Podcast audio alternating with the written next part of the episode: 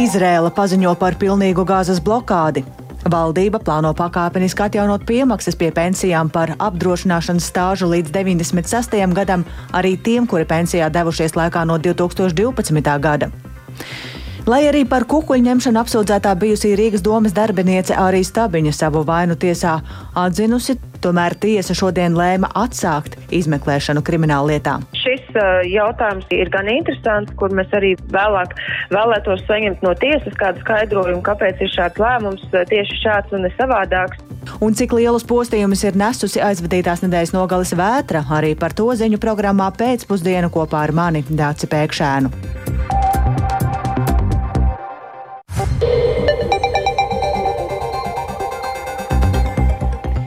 Pulkstenis ir 16,5 minūtes, skan ziņu raidījums pēcpusdiena, plašāk skaidrojot šīs dienas būtiskos notikumus. Studijā Dāca Pēkšēna, esiet sveicināti! Telavīva izsaukusi rekordlielu rezervistu skaitu, lai sāktu ofensīvu Gāzes joslā. Tā šodien paziņojusi Izraels armija. Tas notiek Izraels armijai turpinot cīņu ar islāmistu grupējumu Hamas, kas sestdien sarīkoja negaidītu uzbrukumu Izrēlai. Tāpat Izraels varas iestādes izziņojušas pilnīgu Gāzes blokādi. Tikmēr izlūkošanas aprindās islāmistu veikto uzbrukumu nodēvējuši par pilnīgu Izraels drošības koncepcijas sabrukumu, un par to visu vairāk Rustams Šukūros. Izraēlas armijas preses pārstāvis Daniels Hagarī paziņoja, ka sestdien tika izsaukta 300 tūkstošu rezervistu vienība, kuras mērķis būs ofensīvas īstenošana Gazas joslā. Mēs nekad neesam izsaukuši tik daudz rezervistu. Mēs ejam uzbrukumā, sacīja Hagarī. Tāpat Izraēlas armija paziņoja, ka pilnībā kontrolē apdzīvotās vietas valsts dienvidos pie Gazas joslas robežas. Taču saskaņā ar Izraēlas armijas preses pārstāvja teikto, šajā teritorijā vēl var atrasties grupējuma Hamas kaujinieki. Izraēlas armijas runas vīrs arī apstiprināja, ka uzbrukumos Izraēlas robežas pusē tika nogalināti vismaz 700 cilvēki, tostarp 73 drošības spēku pārstāvji. Saskaņā ar Hagarī teikto, Izraēlas armija iznīcināja simtiem palestīniešu kaujinieku. Viņš arī norādīja, ka Izraēlas aviācija turpina dot triecienus mērķiem Gazas joslā, kas saistīti ar palestīniešu islāmistu grupējumiem. Par tālākajiem Izraēlas armijas plāniem arī paziņojis Izraēlas aizsardzības ministrs Jovs Galants, norādot, ka ir devis rīkojumu pilnībā bloķēt Gazas joslu. Mēs pilnībā aplenksim gazu. Nebūs ne elektrības, ne pārtikas, ne degvielas. Mēs cīnīsimies ar barbariskiem teroristiem un arī attiecīgi reaģēsim. Vēlāk par galanta rīkojumu izpildi paziņoja Izraēlas infrastruktūras ministrs Israēls Kats, kurš sociālajos tīklos publicējis ziņu par ūdens padaves atslēgšanu Gazas joslā. Tas, kas bijis pagātnē, vairs nepastāvēs nākotnē, uzrakstījis Kats. Tāpat Austrijas varas iestādes paziņojušas, ka aptur finansiālās palīdzības sniegšanu palestīniešiem saistībā ar Hamas kaujinieku sarīkoto uzbrukumu Izrēlai. Austrijas ārlietu ministrs Aleksandrs Šalenbergs norādīja, ka Vīne aptur palīdzību vairāku projektu īstenošanai Palestīnā aptuveni 19 miljonu eiro apmērā. Par finansiālās palīdzības apturēšanu Palestīnai paziņoja arī Vācija. Tikmēr Izraēlas izlūkošanas aprindās mēģina izvērtēt, cik lielā mērā sestdien veiktais Hamas kaujinieku uzbrukums ir izlūkdienestu neveiksmīgās darbības rezultāts. Bijušais Izraēlas izlūkdienesta Mossad vadītājs Denijs Jatoms radio BBC ēterā sacījis, ka Izraēlas drošības koncepcija ir sabrukusi. Jatoms norādīja, ka drošības pirmais slānis ir izlūkdienestu iegūtā informācija. Taču, kā izteicies Jatoms, nevienas pēcdienesta vai drošības iestādes rīcībā nebija informācijas par Hamas plāniem sarīkot uzbrukumu. Jātoms norādīja, ka Izraēlas izlūkdienesti novēroja Hamas kaujinieku treniņu nometnes, kurās notika pastiprinātās apmācības, taču nesaistīja šo faktu ar iespējamo gatavošanos negaidītam uzbrukumam Izraēlai. Rustam Šukurovs, Latvijas Rādio. Un šis, protams, arī ir viens no tematiem, kam sako līdzi pie mums. Situāciju šodien pārunāja arī Latvijas valsts prezidents Edgars Rinkevičs un ārlietu ministrs Andris Sprūts no progresīvajiem. Sarunā ar Latvijas radio Sprūts norādīja, ka Latvijai ir jārēķinās ar dažādiem attīstības variantiem, ko prognozēt ir grūti. Latvija Izrēlu pagaidām atbalsta diplomātiski, bet iespējams jau tuvākajā laikā tā varētu būt arī cita veida palīdzība, tā sacīja ministrs. Ar viņu sarunājās Viktors Demīdovs. Skaidrs, ka Izrēlē ir visas tiesības sev aizsargāt, aizsargāt savus civiliedzīvotājus, darīt visu, lai šādi teroristiski, nežēlīgi, brutāli uzbrukumi neatkārtotos. Bet arī tās mācības stundas mums ir par to, ka tieši tā gatavība krīzes situācijām, sabiedrības gatavība krīzes situācijām, tā kā tas ir gan par konkrētu institūciju un, ar, protams, aizsardzības jomas institūciju gatavību, bet arī citu institūciju un arī sabiedrības gatavību krīzes situācijām. Tas kārtībā reiz ir apliecinājums, ka bieži arī šīs negaiss vētras, viņas var nākt salīdzinoši arī negaidīti. Vai ir bažas, ka pie Latvijas robežas var vairāk būt to palestīniešu, to emigrantu skaits varētu palielināties? Es domāju, ka mēs nevaram izslēgt dažādas scenārijas, un mums uz robežas jārēķinās ar dažādiem scenārijiem un arī nelabvēlīgiem scenārijiem, kur situācija pasliktinās, bet tam var nebūt arī tieši sasaistīta ar to, kas notiek šobrīd tuvojas austrumos, jo skaidrs, ka varbūt, ja mēs runājam par tām nelegālām migrācijas plūsmām, tuvie tuvie austrumi, nu, visticamāk, tas tomēr ir tieši saistīts vairāk ar vidusjūru. Bet atkal nevar izslēgt arī citus ceļus, jo arī to, ko mēs redzam uz robežas, protams, kad eh, tie nelegālie migranti, kas robežas ir, arī nu, ir ļoti nu, daudzām dažādām valstīm. Tā kā šeit izslēgt to nevar pat, ja teiksim tā, visticamāk, ja šīs plūsmas ir, tad, protams, kad šīm plūsmām nu, teorētiski būtu lielāka iespēja virzīties vairāk caur vidusjūru, bet atkal ņemsim vērā, ka visi scenāriji ir iespējami. Vai ir kādi plāni, pārdomas, kā aiz aizsargāt mūsu gaisa telpu. Absolūti tiek domāts. Mēs šobrīd arī attīstām slāņa veida pretgaisa aizsardzību, respektīvi mums ir tuvās darbības pretgaisa aizsardzības sistēmas pietiekoši efektīvas, bet skaidrs, ka tā kā es runāju par šiem slāņiem, jābūt gataviem dažādiem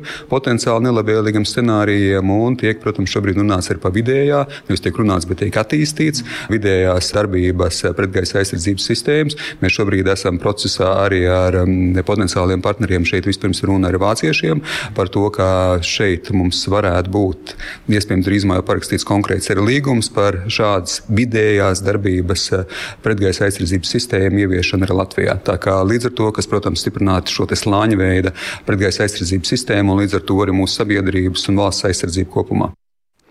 Tālūk aizsardzības ministrs Andris Sprūts no progresīvajiem, bet turpinot ar reakcijām uz notiekošo, tad runājot par Hamas uzbrukumu Izrēlai, lai arī Irāna ir paziņojusi, ka tā nav saistīta ar palestīniešu teroristiskā grupējuma Hamas uzbrukumu Izrēlai, pilnībā tās iesaisti izslēgt nevar. Tā Latvijas radio raidījumā labrīt atzina Latvijas ārpolitikas institūta tuvo austrumu pētniecības programmas vadītājs Intija Broka, norādot, ka atbalsts grupējumam šāda plaša mēroga uzbrukuma uzbrukuma sarīkošanai noteikti bija, jo pašam tam plašu resursu nav. Tāpat arī pilnībā nevarot izslēgt Sīrijas un Krievijas pastarpināto iesaisti. Savukārt Nacionālo bruņoto spēku zemesardze štāba virsnieks majors Jānis Slaidiņš man šodien raidījumā pusdiena teica, ka Hamas negaidītais uzbrukums Izrēlē par labu nāk Krievijai, un tas ir kārtējais mēģinājums novērst rietumu valstu uzmanību no kara Ukrainā.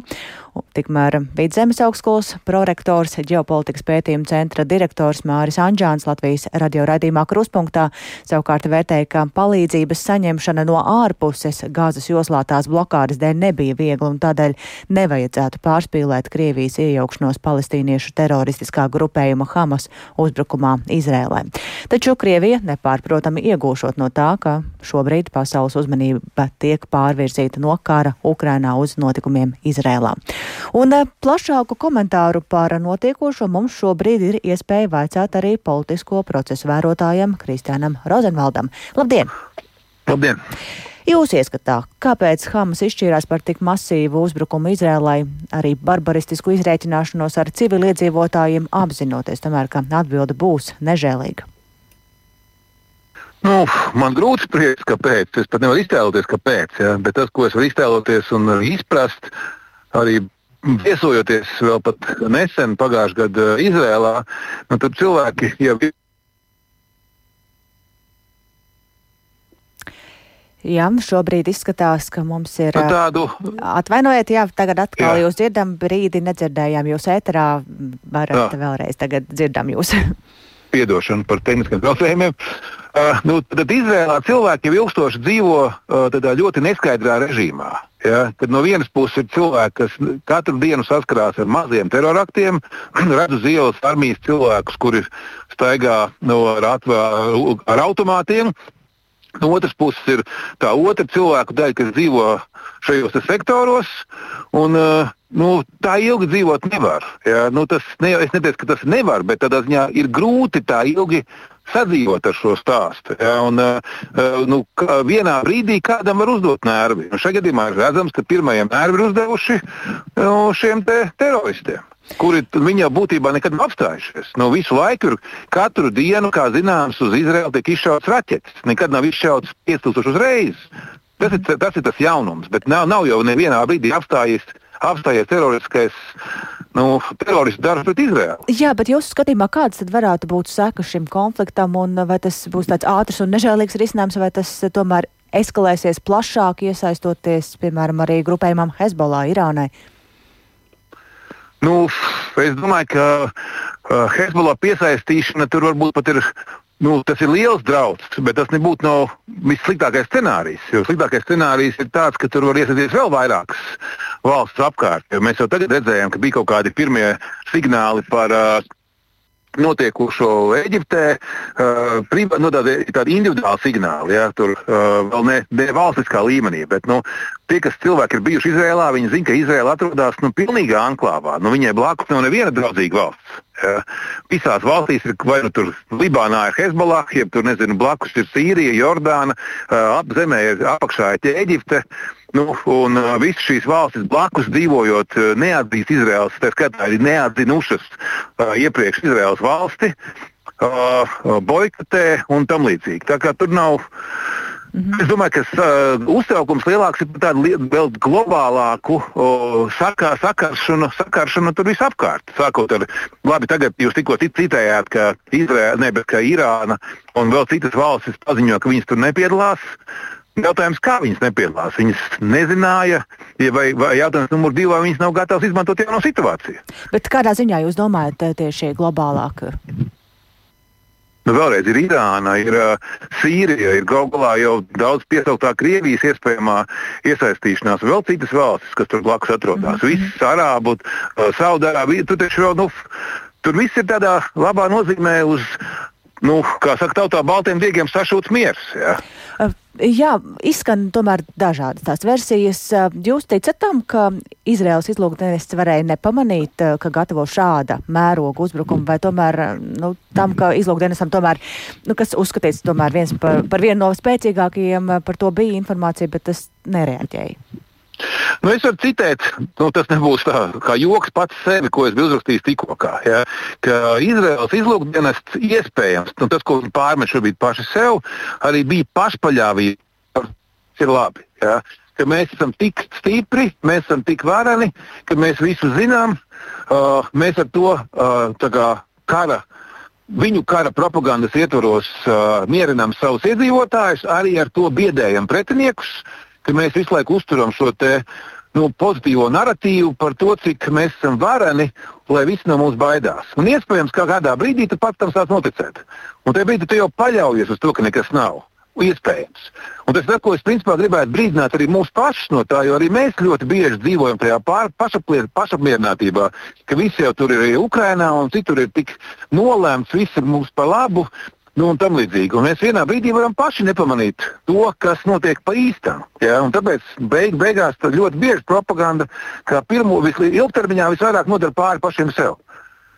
Kur jūs nu, vēl redzat šādu pašapmierinātību? Jūs runājat par Izrēlu? Nu, jā. tad, kad mēs runājam par to, ka mēs skatāmies ziņas no Ukrainas, vienmēr ir viss, kas ir tikai, nu, tā teikt, viss, ko izdarījuši tur otrā frontes pusē, tur viss ir nu, neveiksme. Uh, un uh, viss ir nolēmts, visi krievi ir piedzērušies, visas armijas daļas ir dezorganizētas un tam līdzīgi. Nu, bet uh, tāpat laikā tā fronte joprojām turās.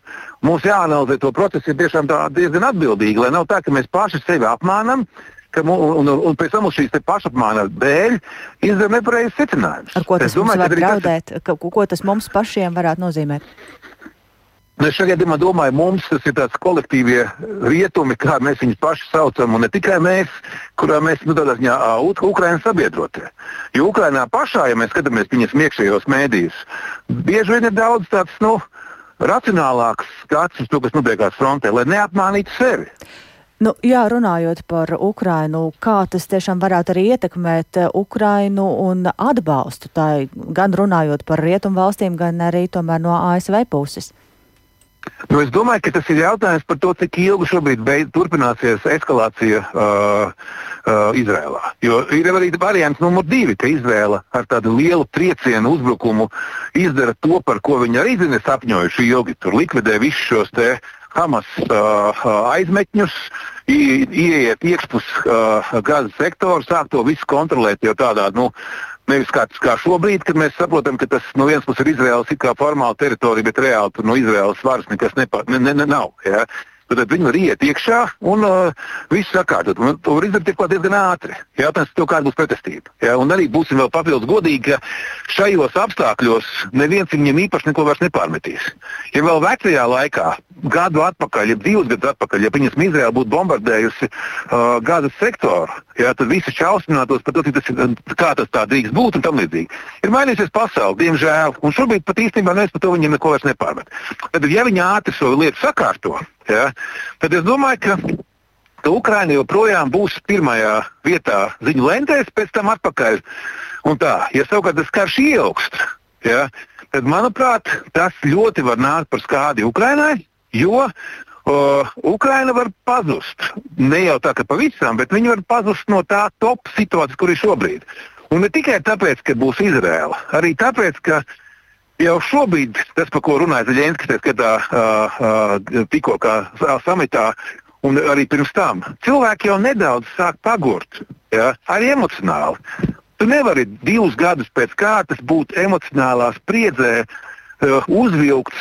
Tu gribi atlaist to pasākumu. Kā tas notiek? Ja mēs vienkārši atradām kaut kādu citu lietu, nezinu, atradām filmu, grāmatu, jaunus draugus, lai aizmirstu kaut kādas nu, esošās ciešanas, kas mums ir aktuāls bijuši iepriekš. Un tas pats var notikt ar Ukrajinu. Un tas, kas mums droši vien jādara, ja mēs negribam to pazaudēt, sajūsdami savu nu, solidaritāti un nu, visā citādi partnerību, mums, protams, būs, būs vēl papildus jā, jāpiedomā par to, kā šo uh, dienas kārtību nemainīt. Nu, vismaz savā izpratnē, lai mums paliek joprojām nu, tā, ka mēs neļaujam par to aizmirst. Respektīvi, tas nozīmē, ka gan, draud, jā, draud. gan uzmanību Ukrainai, nu, tas droši vien arī attiecas uz atbalstu Ukrainai vien, vienlaikus uzreiz. Es domāju, ka atbalsts ir pat dažreiz vienkāršāka lieta. Dažkārt svarīgākais ir saglabāt šo empātiju, ka mēs nepazaudējam šo emocionālo saiti, jo šobrīd mums viņa joprojām ir. Kaut gan arī tur jau parādās tā, ka, tā, ka tu katru dienu saņem ziņas par viņu uh, uzbrukumiem, līķiem, uh, cietušajiem, tad vienā brīdī tas kļūst par laika ziņām. Un cilvēki pie tā sāk, diemžēl, pierast. Tas nav labi. Mm -hmm. Un šis ir arī zināmā mērā pārbaudījums šim pasākumam. Paldies, paldies par šo izsmeļošo komentāru šajā brīdī, saku politisko procesu vērotājam Kristiānam Rozenvaldam. Taču, kamēr šajās dienās visa uzmanība ir vērsta Izraels virzienā, tad sīvas cīņas turpinās tomēr arī Ukrainas frontē, un Krievija turpina uzbrukt arī civilajiem objektiem visā Ukrainā. Un vakar ir trāpīts arī baznīcai Hersonā, kurām tobrīd notika dievkalpojums. Vairāk par situāciju Ukrainā mēs eh, sarunāsimies tagad ar um, Latvijas radio korespondentu Ukrainā Indru Sprānci. Sveika, Indra! Saki, kāda ir tā jaunākā informācija tavā rīcībā par eh, Krievijas uzbrukumiem? Sveika! Situācija joprojām ir smaga. Tātad paralēli sīvām kaujām frontes līnijā, īpaši Bahmuts un Zaporižas apgabala rietumos, kur ir redzamas nelielas Ukraiņu puses sekmes. Un tātad paralēli šim visam procesam turpinās arī Krievijas nemitīgie uzbrukumi Ukraiņas pilsētām un ciemiem, civilajai infrastruktūrai. Un vakar no rīta uzbrukumos Jā, tad, tad es atvainojos, vakar uzbrukumos Harkivas, Donetskas un arī Hersons apgabalā Kopumā visos šajos trīs gājuši bojā divi cilvēki, bet vēl 22 civiliedzīvotāji ievainoti. Un īpaši bīstama situācija vakar no rīta izveidojās Hersonā, kur apšaudas laikā tika trāpīts pie baznīcas, kurā tobrīd uz dievkalpojumu bija sanākuši daudz apkaimes iedzīvotāji, un kā vēst vietēji mediji, pie baznīcas uzsprāguši vairāk lādiņu, no kuriem um, kāds izraisīja arī bojājumus nelielajai baznīcas sēkai Un uzbrukuma brīdī cilvēki bija cieši saspiedušies kopā un viens otru ar saviem ķermeņiem sargājuši. Uzbrukuma rezultātā ievainojums guvuši divi baznīcas apmeklētāji. Viņiem pirmā palīdzība jau turpat uz vietas arī sniegta un vēlāk viņi nodot mediķiem, bet kopumā vakar Hersonā ievainojums guvuši 19 cilvēki, tajā skaitā 12 gadus vecs bērns, bet uh, viens vīrietis nogalināts. Paklausīsimies fragment no Hersonas militārās administrācijas pārstāvi Aleksandra Tolkonikova šodien sacītā. За вчорашній день майже 300 снарядів вони випустили. Kopumā vakardienas laikā uz Hersonu raidīti jau pat 300 lādiņiem no dažāda veida ieročiem, izmantoti mīnmetēji, artilērija, tāpat arī aviobumbas. Aizdītajā naktī virs Berislavas jau nomestas četras aviobumbas. Šobrīd tiek apzināti postījumi. Руйнування та постраждання. Piebildīšu, ka Hersonā un tās apgabalā par spīti ļoti spēcīgiem uzbrukumiem joprojām uzturas liels cilvēku skaits. Pašā pilsētā joprojām dzīvo ap 70 tūkstošiem cilvēku, bet apgabalā 173 tūkstoši iedzīvotāji. Vietējā administrācija gan ir aicinājusi iedzīvotājus evakuēties no tiem bīstamākajiem rajoniem, kur visbiežāk un visregulārāk notiek apšaudas, taču evakuēt izdodas tikai nelielu skaitu, jo daudz, diemžēl, atsakās. Jāsaka, noteikti notiekošais Izrēlā nav palicis nepamanīts arī Ukrainā. Kā Ukraina uz šo reaģē? Jā, Ukrainā ļoti, ļoti rūpīgi seko līdzi Izrēlā notiekošiem. Gan augstākās amatpersonas nepastarpināti tur rokas pulst tur notiekošiem, gan arī vakar Kīvā atsevišķi sēkas tika izgaismots Izrēla, Izrēlas karoga krāsās. Nu, kā atzīmēja Ukrainas prezidents Volodimirs Zelenskis, jebkurā vietā uz pasaules katrs, kurš nes šausmas un nāvi, ir jāsauc pie atbildības, un Ukraina kopīgi ar partneriem darīs visu iespējamo, lai to panāktu. Zelenski izskatā pasaules demokrātiskajām valstīm šobrīd ir jābūt aktīviem un vienotiem starptautisko tiesību aizsardzībā. Savukārt Zelenska biroja padomnieks Mihailo Podaļaks norādīja, ka Hamas uzbrukums Izrēlai ir turpinājums uzbrukumam rietumiem un globālajai drošības sistēmai. Savukārt vilcināšanās pieņemt lēmumu par Krievijas strateģiskās sakāves nozīmi tagad ir ievilkusi pasauli jaunā, pilnīgas nestabilitātes laikmetā. Viņš atzīmē arī laiku, kad notiek šis uzbrukums, proti periodā, kad notiek diskusijas par jaunām ASV palīdzības piegādēm Ukrainai un Ukraiņu ieskatā visiem sabiedrotiem šobrīd kopīgi ir jāpārvar šī vētra un jāpaliek nelokāmiem un vienotiem atbalstā arī Ukrainai. Jā, nu mēs te arī iepriekšējās sarunās spriedām par to, vai Izrēlā notiekošais nevar arī novērst uzmanību no Ukrainas, vai pašiem Ukraiņiem par to ir kādas bažas. Jā, tādā, nu, jāsaka, šobrīd netiešā veidā šīs bažas patiešām ir jūtamas un izskan arī dažādās diskusijās, ka uzliesmojot uh, jauniem spēcīgiem konfliktiem, tāds kāds tagad ir redzams Izrēlā, atbalsts Ukrainai un tās vajadzībām varētu mazināties.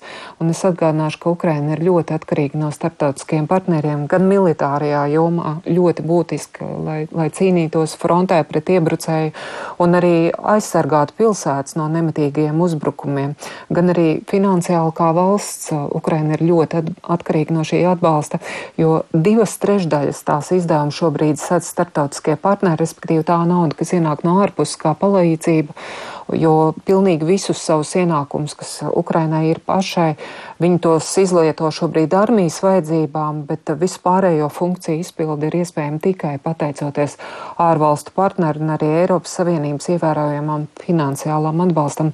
Un šis atbalsts patiešām ir ļoti kritiski svarīgs. Un tāpēc, protams, Ukrainā ļoti, ļoti uzmanīgi seko līdz šiem notikumiem Izrēlā un tam, kādas tam visam varētu būt sekas. Un, kā šajās dienās atgādinājis Ukrainas ārlietu ministrs Dmitro Kuleba, Krievijas iebrukums Ukrainā ir eksistenciāls karš arī pašai Eiropai, un Eiropieši nevar atļauties neuzvarēt šajā karā kopā ar Ukrainu.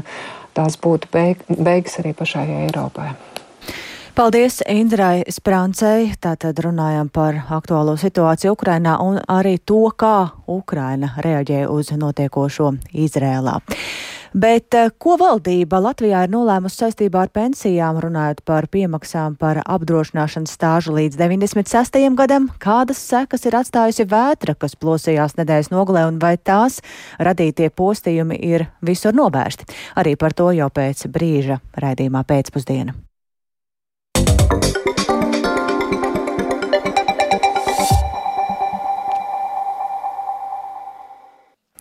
Latvijā plāno pakāpeniski atjaunot piemaksas pie pensijām par apdrošināšanas stāžu līdz 96. gadam arī tiem, kuri pensijā ir devušies laikā no 2012. gada. To paredz Labklājības ministrijas sagatavotie grozījumi pensiju izmaksāšanas kārtībā, un tos tikko ir izskatījusi valdība, par ko ir vairāk arī tad gatavs stāstīt kolēģis Jānis Kīncis, kurš šobrīd pievienojas tiešaidē. Sveiks, Jāni, un būtībā ar šo lēmumu tad no nākamā gada beigsies beigusies vairāk nekā desmit gadus ilgusī netaisnība pret lielu daļu pensionāru. Cik tas valstī izmaksās un atgādina, kā valdība līdz tam gal galā ir nonākusi? Sveicināti! Jā, pašlaik piemaksas pie vecuma un invaliditātes pensijas par apdrošināšanas stāžu līdz 1996. gadam attiecas uz tiem, kuri devās pensijā līdz 2012. gadam.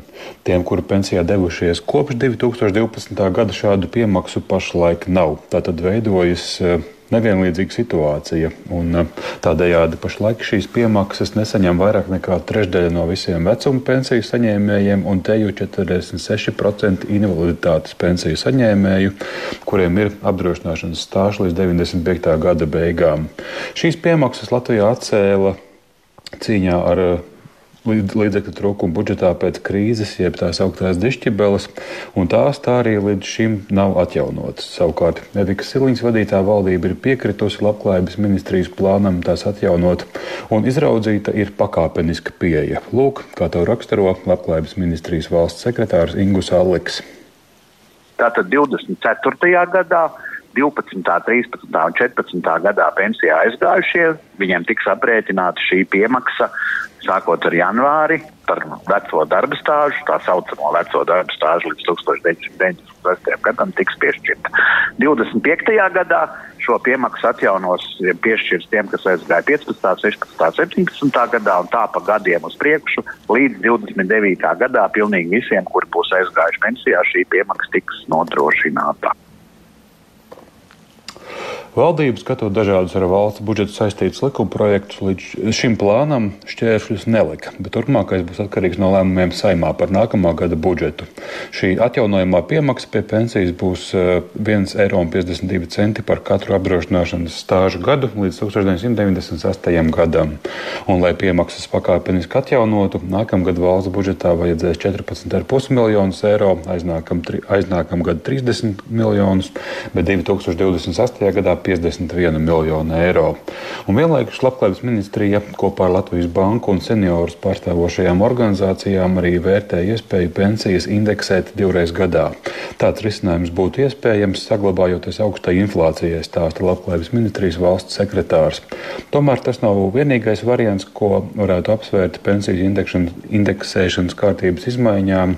Iespējams, piedāvājums būtu arī palielināt indeksējumu pensijas daļu, bet konkrētus lēmumus šajā kontekstā kontekstā varētu pieņemt jau tuvākajā laikā, lai tos attiecinātu uz nākamajām indeksācijām no 2024. gada. Un uh, vēl īsi piebildīšu, ka budžeta pavadošo likumprojektu pakā valdība šodien bez plašākām apspriedēm, kādas tātad ir bijušas jau iepriekš, virzīja likuma grozījumus par pakāpenisku valsts aizsardzības finansējumu palielināšanu līdz 3% no iekšzemes koprodukta, nolūkā nodrošināt straujāku valsts aizsardzības dienesta attīstību. Tāpat valdība izskatīšanai saimā virza plaši apspriesto ieceru par 20% uzņēmumu ienākumu nodokļa avans maksājumu bankām un nebanku kreditētājiem no iepriekšējā gada peļņas. Savukārt izmaiņas likumā par iedzīvotāju ienākumu nodokli paredz ienākumu deklarācijas iesniegšanu valsts ieņēmuma dienestā no 2025. gada padarīt par obligātu, vienlaikus paredzot arī izņēmumus, uz kurām sabiedrības grupām šī prasība varētu neatiekties. Tas viss gatavojoties nākamā gada un nākamo trīs gadu budžeta uh, iesniegšanai saimā. Dace. Paldies Jānim Kincim, tāda lūk jaunumi attiecībā uz pensijām. Bet par kukuļu ņemšanu apsūdzētās bijušās Rīgas domas darbinieces Ārijas Stabiņas gadiem ilgušo kriminālu lietu šodien tiesa to nolēmusi atsākt. Kāpēc? Tiesa neatklāja. Un eh, prokuratūra ir neizpratnē, savukārt Stabiņas aizstāvis norāda uz nekvalitatīvu apsūdzību. Vairāk par to Viktora Demidova ierakstā. 2012. gada rudenī aizturēto Rīgas domas dzīvokļu pārvaldes priekšnieci Āriju Stabiņu apsūdz par ilgstošu kukuļu ņemšanu apmaiņā pret pašvaldības dzīvokļu rindas ietekmēšanu. Ģenerāla prokuratūra Stabiņai inkriminē kukuļa saņemšanu vairāk nekā 6000 eiro apmērā. Pēc pāris mēnešiem tiesa viņu atbrīvoja apmaiņā pret drošības naudu, bet, kad pusgadu vēlāk pieņemts lēmums Stabiņu apcietināt, viņa izrādījās pazudusi. Valsts policija viņu meklēja piecus gadus gadus, un 2017. gada rudenī viņu aizturēja Ēģiptē. Tad viņu izraidīja uz Latviju, kur stabiņu apcietināja. Šodien bija paredzēts, ka Rīgas pilsētas tiesa vidzemes priekšpilsētā pasludinās spriedumu, bet gala rezultātā tiesa nolēma izmeklēšanu atsākt. Tiesa rakstiski atsaucas uz krimināla procesa likuma pantu, kurā rakstīts, ja apspriedes laikā tiesa atzīst par vajadzīgu noskaidrot kādus apstākļus, kuriem ir nozīme lietā, tiesa, netaisot spriedumu, pieņem lēmumu par tiesas tiesas izmeklēšanas atsākšanu. Interesanti, ka tiesa tā rīkojas, lai gan septembra beigās Stabiņa savu vainu atzina. Plašāk tiesā nekomentē. Šo mēs nekomentējam, tāpēc, ka tiesas process noteikti slēgts un publiski pasludināma un norādām ir tikai lēma ievada un rezultīvā daļa nekādus detalizētākus komentārus par tiesas rīcības motīviem likums liedz man jums atklāt. Arī prokurors Arvis Miglāns, kas stabiņai lūdz piespriest 4,5 gadus cietumā, komentēt atteicās. Kāpēc tiesa šodien tādu lēmumu ir pieņēmusi, skaidrības nav Latvijas prokuratūrai, turpina tās preses sekretāri Aiga Eiduka. Jā, arī šis jautājums kā iestādēji ir gan interesants, kur mēs arī vēlāk vēlētos saņemt no tiesas kādu skaidrojumu, kāpēc ir šāds lēmums tieši šāds un ne savādāks, jo arī jau sabiedrībai plaši zināms ir, ka apsūdzētā reta apsūdzību nekādas iebildumus nav izvirzījusi, tāpēc mums kā iestādē arī šis pavērsiens ir gan interesants. Savukārt Stabiņas aizstāvis Dīdzis Vilamsons uzskata, ka tā bijusi nekvalitatīva apsūdzība. Tur jau tiesā īsti nekādu citu variantu nebija. Un šajā gadījumā, lai būtu taisnīgs lietas iznākums, tad šāds lēmums tiesai faktiski bija jāpieņem, jo apsūdzība ir absolūti nekvalitatīva, uz ko arī tiesa savā lēmumā norādīja. Tas liecina par valsts apsūdzības attieksmi pret konkrēto lietu. Ko Stabiņa teica savā pēdējā vārdā septembrī, žurnālistiem nebija iespējas dzirdēt, jo, kā informē Latvijas televīzija, viņa pati un viņas aizstāvis tiesa lūdzēja sēdi pasludināt par slēgtu, ņemot vērā, ka savā pēdējā vārdā viņa runāšot gan par savu veselības stāvokli, gan par personīgās dzīves intīmajiem apstākļiem. Rīgas Stradiņu universitātes asociētais profesors un bijušais valsts policijas priekšnieks Aldis Lieljuks izpieļauj, ka šodienas tiesas lēmumu ietekmēja Stabiņas izteiktais savā pēdējā vārdā. Domāju, ka līdz šim jau taču tiesa visu nu, lietas materiālu zināja, un tagad atjaunot, tāpēc es arī domāju, ka tas var būt, jo tiesājumās jau var, var visu kaut ko pateikt nu, pēdējā vārdā. Un uh, tas tā, tad ir acīm redzot, varbūt jau viņa vēl vienreiz to uzsvēra, kaut kas nebija izdarīts lietā, un tā, tā situācija tāda var pavērsties. Tiesa lietu turpinās izskatīt 20. oktobrī. Viktors Demidovs, Latvijas radio. Bet divas diennakts ilgušajā vētrā visvairāk postījumu ir Rīgā.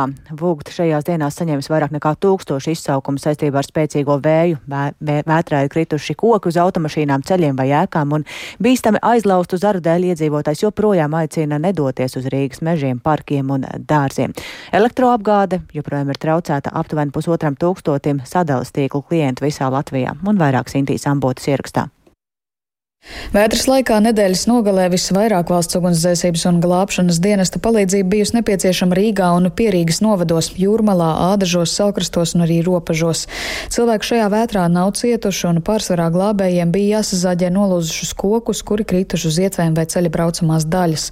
Rīgā bija nepieciešama arī papildu resursi un ugunsdzēsēji glābēji tika atsaukt arī no brīvdienām, stāsta dienesta pārstāvja Ilsa Dāmbirziņa. Vismaz 80 gadījumos koki bija lūzuši tieši uz vieglajām automašīnām, daudzos gadījumos pat uz vairākām vienlaikus. Vismaz 15 gadījumos arī koki bija lūzuši uz uh, dzīvojamām mājām, gan privātu mājām, gan arī daudz dzīvokļu ēkām. Bet vismaz tajos gadījumos, kur mēs reaģējām, cilvēki tajās neatradās.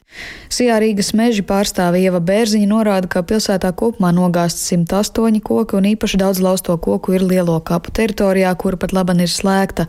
Tāpat zināms, ka Vērmanas dārzā nogāzt divi valsts nozīmes dīškoki un vietām parkos ir izcilātas koku saknes un kokos joprojām var būt aizlūzuši zāri. Tāpēc pagaidām iedzīvotājs aicina neapmeklēt Rīgas parkus un dārzus. Mūsu darbinieki uzskata, ka šī ir bijusi viena no postošākajām vētrām pēdējā desmitgadē, kad nepilnas diennakts laikā ir gāzta tik daudz koki. Darbi tārzos parkos, kā arī mežā turpinās, un mēs aicinātu iedzīvotājus, nu, ja ir iespējams, tomēr uz parkiem neiet un bērnus uz rotaļlaukumiem tomēr vēl pāris dienas nevest, jo tas var būt bīstami. Šodien mēs uh, turpinām darbus un visticamāk vēl divas, trīs dienas mums būs nepieciešams, lai šīs visas bīstamības novērstu. Tāpat iedzīvotājs aicina būt piesardzīgiem dodoties mežā, kur arī vēl var būt daudz bīstamu koku un zaru. Savukārt elektroapgāde šodien traucēta vēl apmēram 1500 maisaimniecībām. Akcijas sabiedrības sadales tīkls pārstāve Elīna Kozlovska stāsta, ka diennakts režīmā šajā nedēļas nogalē strādājuši ap 400 operatīvie darbinieki, bet šī vētra no citām īpaši atšķiras ar tās nepārtrauktību divu diennakšu garumā, kas apgrūtina arī bojājumu novēršanu. Veicām darbi, diemžēl, ielga bojājuma sarežģītības dēļ. Daudz viet ir krituši koki, daudz viet ir saknēm tie ir izrauti, arī blokējot šo pieeju bojājumiem, tāpēc atsevišķās vietās mazliet ilgāk arī paņēma laiku šo traucējumus novērst. Elektroapgāde vēl traucēta vairāk Salkrastus, Siguldas un Limbažu pusē, un šobrīd, diemžēl, ir tādi klienti, kur šis bojājums un elektroapgāde nav ilgstoši atjaunota, un šobrīd joprojām strādājam paaugstinātā režīmā, ir piesaistīts viss pieejamais resurs, lai tuvākās dienas laikā tas notiktu. Savukārt Rīgas nama pārvaldnieka apsaimniekotajās mājās visvairāk postījumu ēku jumtiem un nolūstošiem kokiem bojātas arī citas ēku konstrukcijas un automašīnas pagalmos. Pārvaldnieka valdes priekšsēdētājs Māris Ozoliņš skaidro, ka šobrīd darbi vēl notiek un postījumu būs vairāk, bet situāciju neraksturo kā kritisku. Mēs saskārāmies ar dažādām avārijas situācijām mūsu apsaimniekotās mājās. Šobrīd ir apzināti jumtu postījumi sešos objektos un savukārt nolausta koki, kas raduši būtiskus bojājumus apkārtējā vidē, ir piecās adresēs. Vēl tiek apzinātas sekas, vai iedzīvotāji paši apskatās, pasako līdzi, vai nav kaut kas vēl, ko mēs neesam pamanījuši. Un, protams, jāziņo par visām šīm lietām, ko pamanā, un tās tiks novērstas. Nedēļas nogalē piedzīvotā vētra bija spēcīgākā vismaz pēdējā gada laikā. Tik stipra rudens ziemas sezonas vētra, kurā vējš ir virs 30 metriem sekundē, pēdējo reizi bijusi pirms nepilniem diviem gadiem. Sinti Ambota, Latvijas radio. Tas par nedēļas nogalas spēcīgo vēju, kura dēļ ugunsdzēsējiem bija darba pilnas rokas, bet parūpēties par savu drošību un lai ugunsdzēsējiem darba mazāk varam rūpējoties par dūmvadiem un apkurs iekārtām, kas ir virkne uguns nelēma iemesls. Kā ar to soks Latgals pusē par to Silvijas smagaras ierakstā.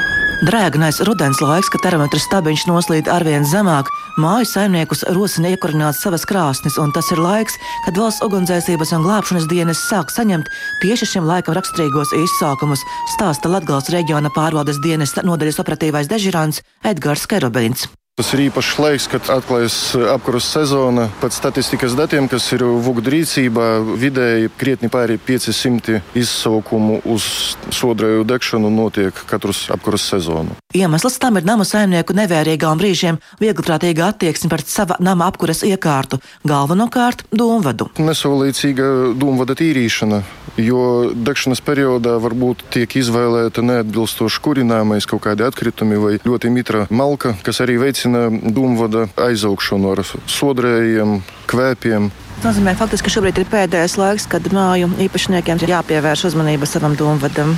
Pirms apkuras sezonas sākuma, nu vēlams pirms 1. novembra, ir jāveic dūmvada tīrīšana lai novērstu to lieko izbraukumu skaitu, kā arī pats galvenais, lai pasargātu sevi no īpašuma bojāšanas. Privātmāja.